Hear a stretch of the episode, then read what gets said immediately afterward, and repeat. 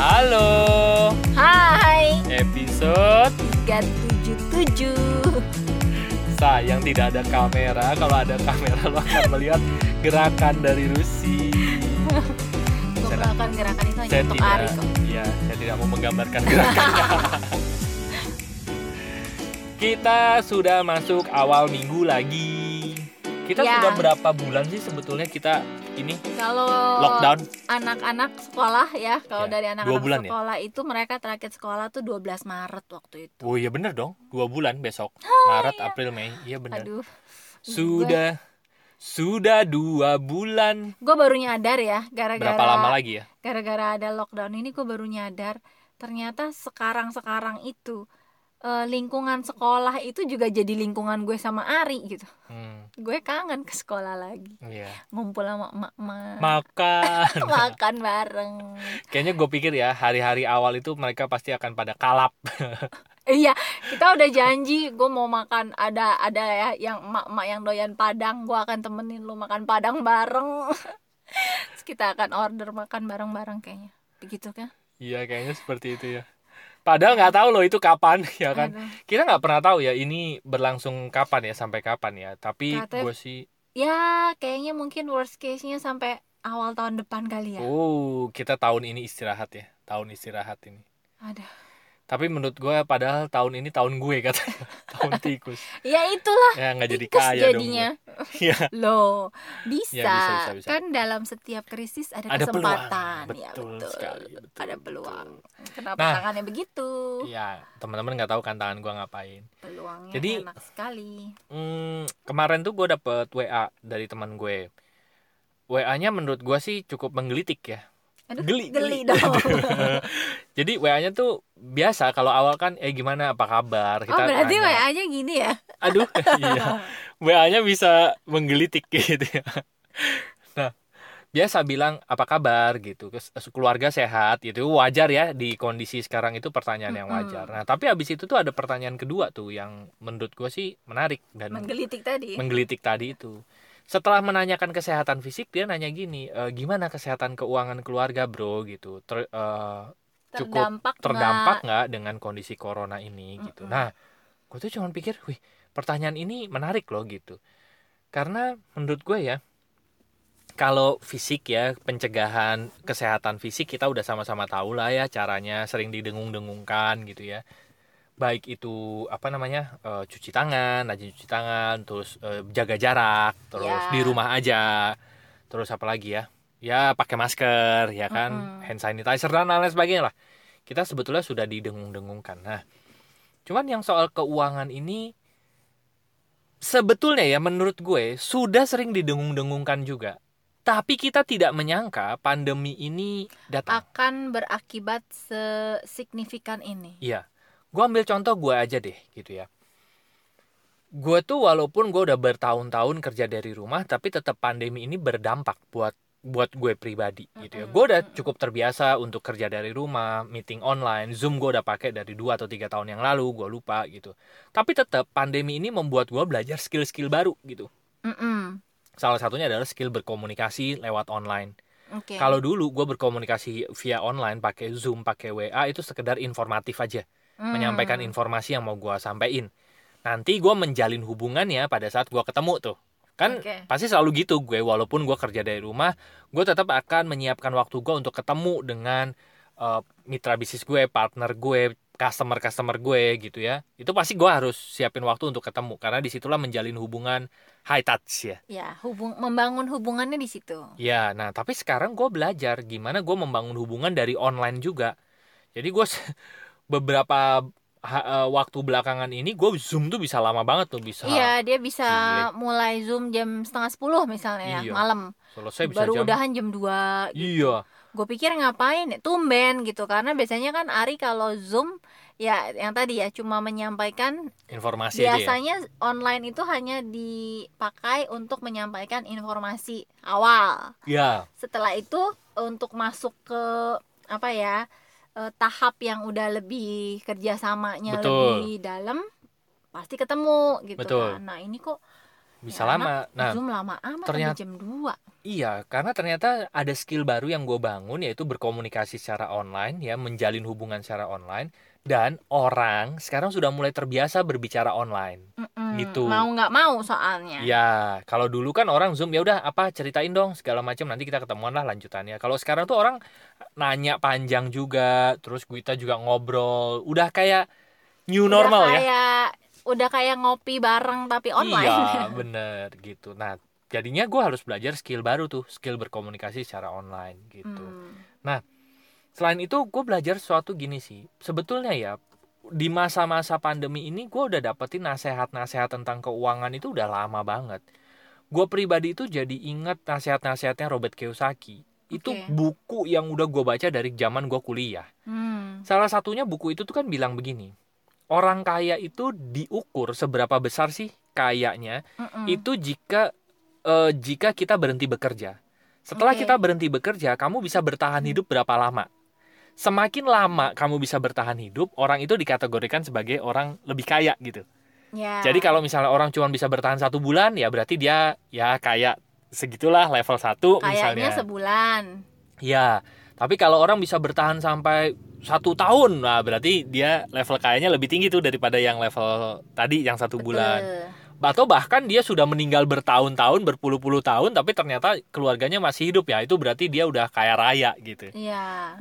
pengetahuan itu kan sebetulnya gue udah dapetin dari Zaman belasan tahun yang lalu kan? Dari 17 tahun yang lalu mungkin. iya dari tahun 2003 mungkin gue udah baca buku itu gitu. Nah cuman buku itu kan menyinggungnya tentang pada saat orang berhenti bekerja karena PHK karena Karena sakit sakit atau terus karena meninggal dunia kan Ya. nggak pernah ada di buku itu tentang ada pandemi gitu kan Iya. pandemi yang memaksa lo bahkan seluruh dunia untuk berhenti bekerja gitu nggak pernah kepikiran. nggak pernah kepikiran atau mungkin lebih tepatnya bukan berhenti bekerja ya ada yang memang ada sih sebagian yang dipaksa Mm-mm. dipaksa berhenti bekerja gitu ada juga yang memang pekerjaannya itu yang tidak memungkinkan orang-orang yang dibawa online. Iya betul kan ada ya orang-orang yang dapetin ada.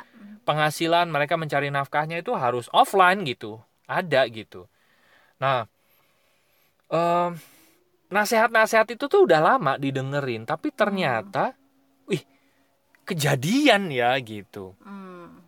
kejadian dan bener-bener itu buat gue jadi refleksi lah gitu Iya. bahwa kalau gue pribadi iya gila ya ternyata pasif income tuh penting banget gitu benar. punya pasif income tuh bener-bener kayak jaminan keamanan keluarga gitu itu Dan, sih yang gue Iya.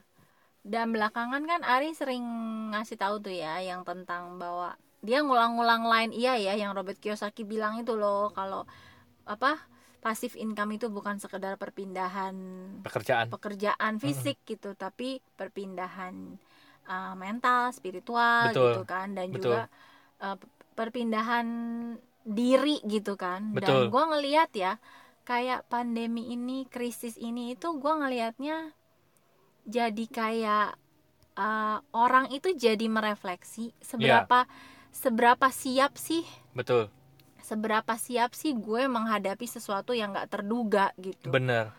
Dan ternyata mungkin banyak dari kita yang akhirnya baru sadar bahwa kita tuh mungkin belum siap-siap amat gitu. Betul berarti betul. selama ini apa yang gue lakukan mungkin ya itu ya apakah mungkin yang tadi Ari bilang mungkin kayak sebulan kayak setahun kayak lima tahun gitu. Ini ini Hmm. kalau kita ngomong secara finansial gitu kan. Iya, betul mungkin itu orang jadi baru banyak yang baru ngeh sadar kan iya gitu betul betul. eh, bahwa eh, kadang-kadang ada orang dulu kan udah pernah nih ya gue denger eh, apa aman itu belum bukan berarti kita punya penghasilan itu pasti aman gitu kan. Iya. Dan ternyata di saat-saat begini mungkin baru berasa gitu ya. Iya. Seminggu yang lalu masih punya penghasilan gitu Betul. mungkin ya. Minggu berikutnya bisa gitu loh tiba-tiba eh, ya berhenti gitu. Iya. Atau berkurang signifikan gitu. Betul. Jadi iya ya gue cuma mikir eh, balik lagi mm, krisis-krisis itu akan membuat orang sebenarnya belajar lebih banyak sebetulnya. Belajar. Harusnya ya. Balik lagi Iya. refleksi diri. Gue nih ada di level mana sekarang? Mm-mm. terus apa yang gue lakukan gitu? Iya. itu juga eh, akan menentukan kita ada di level yang mana sih gitu. Betul kalau orang masih mikirnya nyalahin sana sini Mm-mm. atau masih nunggu-nunggu gitu ya ya ya berarti tahu Betul. ada di level itu. Tapi ada orang yang mungkin udah mulai levelnya mengambil inisiatif tanggung jawab. Oh oke keadaan lagi begini tapi gue harus do something gitu. ya dia akan mulai putar otak betul. uh, kreatif gitu betul ya. betul. Atau ada orang yang udah mungkin udah eh, di level wah peluang ini. Udah langsung udah langsung bisa lihat eh, peluang di peluangnya baliknya gitu, ya Nah, peluang kan- balik krisis ya. Ya itu level-level yang menurut gue nggak nggak terlalu kelihatan di saat normal gitu. Iya iya iya betul di betul. saat biasa. Tapi Betul. ketika ada krisis itu biasanya eh, jati diri kita aja. Level diri itu jadi lebih kelihatan gitu. Iya. Betul. oh gue ada di sini nah makanya ada pepatah yang bilang ini kan bahwa eh, manusia itu karakter aslinya keluar pada saat dia terdesak kan Ah, ya ya, kan?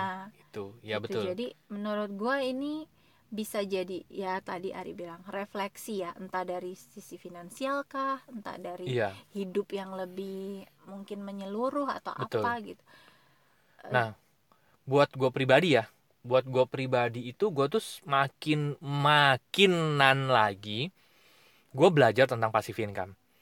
Gue belajar tentang gimana create passive income gitu. karena kayak udah bener-bener dihadapkan ini gue nggak sakit gue nggak meninggal gitu Mhm. tapi ternyata ada ke Faktor keadaan lain, betul, gitu Betul, jadi bukan cuma ah gue gue gue sehat kok gitu betul, ternyata ya betul. ternyata ya begitu Jadi passive income itu kayak sebuah keharusan gitu dalam hidup gue gitu ya. Nah, akhirnya gue gue pribadi ya, gue buk, baca buku lagi gitu. Gue sampai beli buku Robert Kiyosaki lagi nih gitu. Gue gue belajar lagi tentang eh, apa sih definisi sesungguhnya tentang passive income gitu. Karena kita nggak tahu nih, jangan-jangan nanti pandemi ini akan berlangsung lagi kapan ya, we never know. Tapi setidaknya gini, kalau gue bener-bener paham, gue bilang gue garis bawahi gue bener-bener paham ya tentang membangun kekayaan sejati di mana eh, duit ngejar-ngejar gue dan keluarga gue gitu ya. Mm-mm. Setidaknya nilai-nilai ini kalau misalnya sampai seumur hidup gue gue nggak mengalami pandemi lagi lah ya amit-amit iya gitu ya. jangan dong ya. Setidaknya nilai-nilai ini gue bisa sharing ke anak gue, ke lingkungan gue gitu. Kalau gue udah paham, ya kan. Mm-mm. Nah makanya gue belajar lebih dalam lagi soal passive income nih. Makanya gue pribadi tuh ngeliat em, kemarin ya passive income itu bener-bener tuh kata Robert Kiyosaki passive income tuh bukan soal kendaraan, tapi bener-bener soal perpindahan mental dan spiritual. Mental itu berhubungan dengan belief. Lo punya belief nggak bahwa uang itu bisa datang tanpa keberadaan lo gitu. Itu kan belief juga kan, kepercayaan lo yakin nggak bahwa uang itu bener-bener bisa ngejar lo gitu itu belief yang tertanam Hmm. yang kedua soal spiritual spiritual itu ya lo tau lah gitu ya apa yang harus dilakuin karena gue tuh percaya satu hal begini kerja keras itu bukan kerja keras yang menyelamatkan kita tapi karma Oke. baik tuh yang menyelamatkan kita Hmm. kalau kita punya karma baik yang banyak berarti dari sisi finansial itu uang tuh akan terus datang gitu Hmm. kan Hmm. Berarti kan perpindahan untuk kita bisa pasif income bahkan pasif income yang panjang mungkin bisa sampai 10 Diwariskan. turunan bisa iya diwariskan dan lain sebagainya. Perpindahan fisiknya jelas. Kita perlu belajar teknik bisnis, kita perlu belajar Ya. menaruh value di bisnis kita gitu ya. Kita perlu ya lain-lain lah perjal bisnis ya gitu ya. Ya. Tapi perpindahan mental juga sama. Gue belajar lagi, gue bongkar-bongkar belief gue lagi gitu ya. Belief gue soal duit apa ya gitu. Gue masih eh, takut nggak sama duit, gue masih khawatir nggak sama duit gitu. Terus atau gue sudah punya belief bahwa uang itu memang Hmm. harusnya datang terus ke gue gitu. Mm-mm. Ya itu kan di bawah sadar. Yang Ya. ketiga gue nge-review karma baik karma baik gue gitu ya. Karena itu juga perlu diri, itu kan spiritual kan Ya. gitu jadi wah menurut gue seru ya mempelajari soal passive income ini gitu dan gue bener-bener malah mempelajari soal passive income ini lebih dalam pada saat pandemi ini berlangsung malah gitu Hmm. itu sih dan mungkin ada orang yang di pandemi ini bukan belajar soal passive income tapi dia belajar bagaimana sih menghasilkan uang dari rumah dulu gitu boro-boro Iya. nggak nggak mikirin passive income yang penting ada pemasukan aja Iya, jadinya mereka yang mungkin sekarang terbiasa tuh memilih kerja offline yang sel- selama ini mungkin mungkin mereka kerjanya offline gitu ya. Mereka sekarang lagi putar otak gimana nih, gue bisa dapetin uang dari rumah. Menurut gue itu adalah satu step yang bagus banget, iya gitu kan. Eh, orang udah mulai berpikir, Hmm. tapi ada juga yang kata Rusi tadi, boro-boro berpikir kerjaannya nyalahin mulu gitu ya. Kenapa sih gue nggak boleh keluar rumah, gue nggak boleh apa, nggak boleh apa Mm-mm. gitu. Eh, itu sih- ya ya. kalau ya kalau gue belajar di apa eh, di spiritual gitu ya Iya. jiwa jiwa orang itu ada macam-macam tingkatannya Iya. ada infant ada baby Mm-mm. ada young Ya, ada mature ada old katanya. Ya, ya. Dia dan gua gua ngelihatnya lucu sih. Iya ya bener-bener karakternya gampang aja gitu. Kalau infant itu kan kayak gimana sih bayi baru lahir? Belum bisa ngapa-ngapain gitu. Jadi maunya eh, ya segala kebutuhan harus disediakan. Mm-mm. itu. Mm-mm. terus kalau yang baby udah mulai bisa ngapa-ngapain tapi masih perlu bantuan. bantuan Mm-mm. kalau yang itu kalau yang itu eh umur-umur ABG yang penting gue nih gue dapatnya apa yang penting eh gue nya eksis gitu jadi Mm. dia akan berusaha mencari ya yang penting gue gimana sih ya yang penting aman gitulah Hmm, pokoknya penting gue dapat gitu yang ya. penting gue dapet Iya. ya ada sisi bagusnya kan Mm-mm. kalau yang mature dia udah mulai udah mulai mikirin orang gitu Mm-mm. udah mulai mikirin orang gimana apa ya kayak gitu apa yang bisa dilakukan kayak gitu Mm-mm.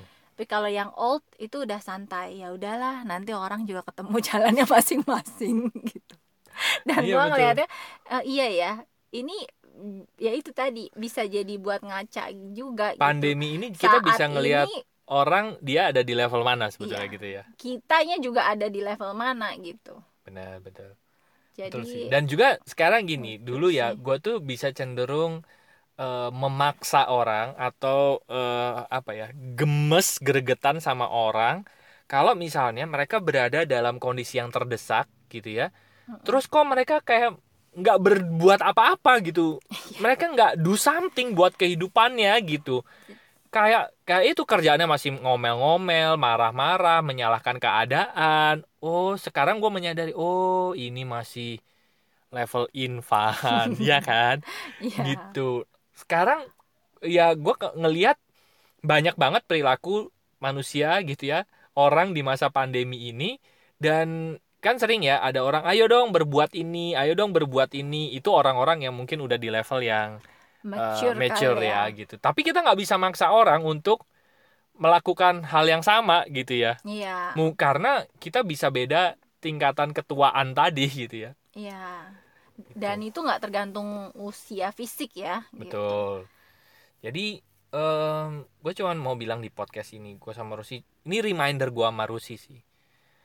Pertanyaan yang tadi balik lagi ke WA tadi, gimana eh, kondisi keuangan lo, gimana kesehatan keuangan lo di kondisi pandemi ini gitu.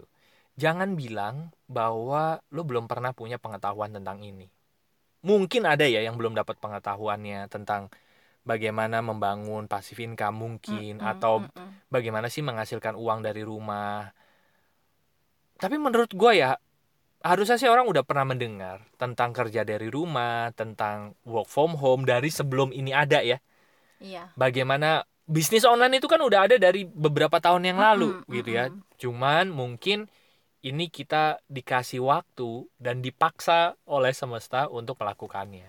dan kemarin gue dapat WA ya nggak tahu yang nulis siapa di WA-nya juga bilang penulis tidak diketahui tapi menurut gue kata-katanya bagus sih dia Hmm. bilang eh, kita mungkin berada di badai yang sama Ya, betul. tapi kita tidak ada di kapal yang sama Betul sekali. karena kapal orang beda-beda gitu Yes, betul. ada orang yang menghadapi pandemi ini stres cuma karena bosen Iya. bosen di rumah ya nggak bisa keluar-keluar tapi ada orang yang stresnya bener-bener mikirin anak gua makan apa gitu Iya, betul. ada orang yang sekedar bo ya itu tadi ya keadaannya itu beda-beda. Jadi bener-bener nggak bisa ada yang di generalisasi gitu iya nggak ada yang Iya. bisa dijudge nggak ada yang bisa dihakimi gitu. Jadi makanya gue cuma bilang ya balik ke diri sendiri dulu lah.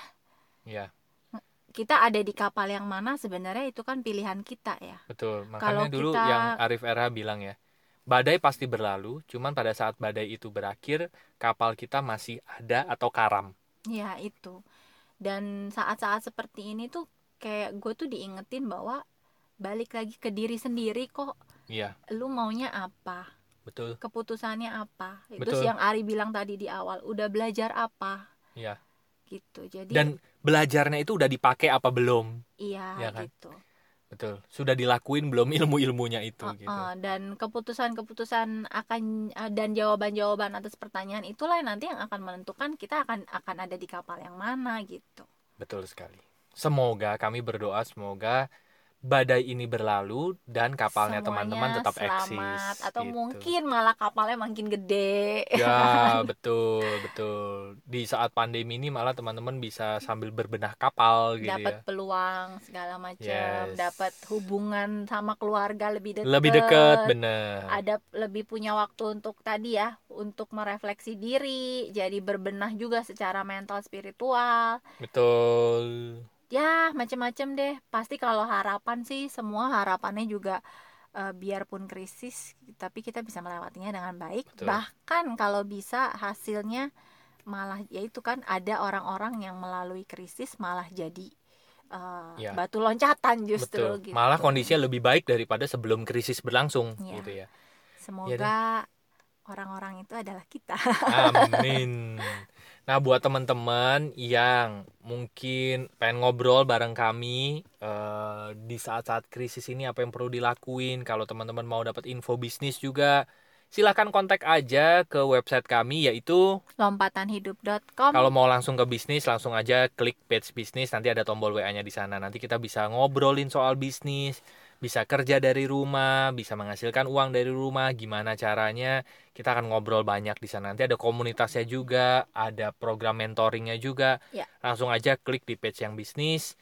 Eh, ada tombol WA-nya nanti terhubung dengan WA kami. Ada juga yang home, page home kalau teman-teman mau sekedar ngobrol, eh, refleksi di curhat, pandemi ini ya. gitu ya atau tentang apa pun lah silahkan masuk aja di page yang home klik aja nanti ada terhubung dengan WA kami. Lalu yang ketiga eh yang kedua ada- ada page counseling dan event. Yes. Ini buat jasa layanan profesional kami Ya. untuk hipnoterapis. Yes. Terus konsultasi dan konseling Yes. dan ini juga bisa dilakukan online Ya. dalam rangka menyesuaikan. Ya betul sekali. Dan mengundang orang bicara. Oke silahkan masuk aja ke page kami yaitu lompatanhidup.com oke baik teman-teman. Terima kasih sudah mendengarkan episode 377 semoga bermanfaat dan sampai jumpa di episode berikutnya. Thank you. Bye bye